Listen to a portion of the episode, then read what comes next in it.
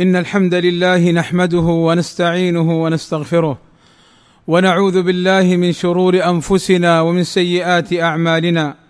من يهده الله فلا مضل له ومن يضلل فلا هادي له. وأشهد أن لا إله إلا الله وحده لا شريك له. وأشهد أن محمدا عبده ورسوله. يا أيها الذين آمنوا اتقوا الله حق تقاته. ولا تموتن إلا وأنتم مسلمون. يا أيها الناس اتقوا ربكم الذي خلقكم من نفس واحدة وخلق منها زوجها وبث منهما رجالا كثيرا ونساء. واتقوا الله الذي تساءلون به والأرحام. إن الله كان عليكم رقيبا. يا أيها الذين آمنوا اتقوا الله وقولوا قولا سديدا. يصلح لكم أعمالكم ويغفر لكم ذنوبكم. ومن يطع الله ورسوله فقد فاز فوزا عظيما. ألا وإن أصدق الكلام كلام الله وخير الهدى هدى محمد وشر الأمور محدثاتها وكل محدثة بدعة وكل بدعة ضلالة وكل ضلالة في النار. أما بعد فممن ورد فيهم الوعيد بقوله سبحانه وتعالى ويل أو قول النبي صلى الله عليه وسلم ويل الذين يفترون على الله الكذب. قال تعالى فويل للذين يكتبون الكتاب بأيديهم ثم يقولون هذا من عند الله ليشتروا به ثمنا قليلا. فويل لهم مما كتبت أيديهم وويل لهم مما يكسبون. أي فويل لهم مما كتبوا بأيديهم من الكذب والبهتان على الله. وويل لهم مما أكلوا به من السحت من المال الحرام. وقوله تعالى ويل لكل أفاك أثيم. توعد الله عز وجل المعرض عن آياته فهو كذاب في مقاله. أثيم في فعاله وتوعد الله عز وجل المكذبين بآياته والمكذبين لرسله والمكذبين بيوم القيامة بالويل والعذاب في آيات عدة. من ذلك قوله سبحانه وتعالى ويل يومئذ للمكذبين. وقال الله عز وجل وما خلقنا السماء والأرض وما بينهما باطلا. ذلك ظن الذين كفروا فويل للذين كفروا من النار. وقال تعالى فويل للذين كفروا من يومهم الذي يوعدون. وقال تعالى فاختلف الأحزاب من بينهم فويل للذين كفروا من مشهد يوم عظيم أي من مشهد يوم القيامة لما فيه من الأهوال والأمور العظام. وقال تعالى أفمن شرح الله صدره للإسلام فهو على نور من ربه فويل للقاسية قلوبهم من ذكر الله أولئك في ضلال مبين. أي لا تلين قلوبهم لكتابه ولا تتذكر بآياته ولا تطمئن بذكره بل هي معرضة عن ربها ملتفتة إلى غيره فهؤلاء لهم الويل الشديد. والشر الكبير.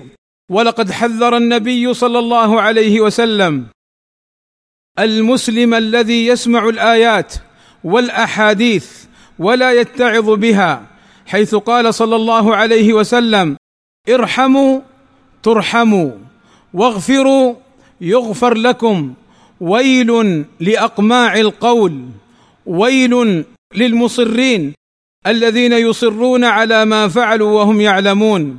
ويل لأقماع القول أي شدة هلكة الذي يسمع الآيات ويسمع الأحاديث ولا يعمل بها بل هم كالقمع والقمع هو القمع عندنا الذي نضعه في الإناء ونصب عليه الماء بل هم كالقمع كالقمع. فشبه من لا يعي القول بأقماع الأواني التي تجعل على أفواهها ويصب فيها فإنها لا تدرك شيئا مما يصب في أوانيها لمرورها عليها. وقوله صلى الله عليه وسلم ويل للمصرين أي على الذنوب أي العازمين على المداومة عليها وهم يعلمون أي يصرون في حال علمهم بأن ما فعلوه معصية والإصرار الإقامة على القبيح من غير استغفار. والله أسأل لي ولكم التوفيق والسداد وأن يغفر لنا الذنوب والآثام. إنه سميع مجيب الدعاء. الحمد لله رب العالمين والصلاة والسلام على المبعوث رحمة للعالمين وعلى آله وصحبه أجمعين. عباد الله لقد حذرنا نبينا الكريم صلى الله عليه وسلم. حذرنا من الإكثار من المال دون أداء حقه ودون أخذه من وجهه الشرعي فقال صلى الله عليه وسلم ويل للمكثرين إلا من قال بالمال هكذا وهكذا. ويل للمكثرين أي للأغنياء. فالأغنياء ويل لهم لأن الفقراء يدخلون قبلهم الجنة وأما الأغنياء فيحبسون للحساب فيسألون عن مالهم من أين اكتسبوه؟ وفيما أنفقوه؟ ويل للأغنياء من عدم أداء الحقوق لأهلها من عدم الصدقة على الفقراء والمساكين إلا من قال بالمال هكذا وهكذا.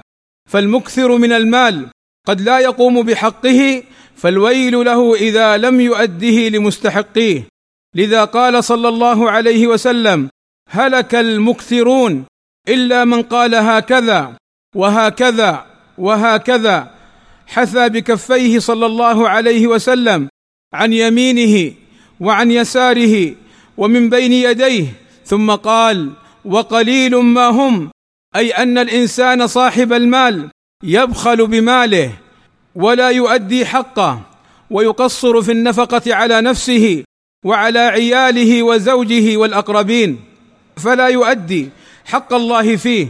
قال صلى الله عليه وسلم إن الأكثرين هم الأقلون يوم القيامة إلا من قال هكذا وهكذا وهكذا عن يمينه وعن شماله ومن خلفه وقليل ما هم.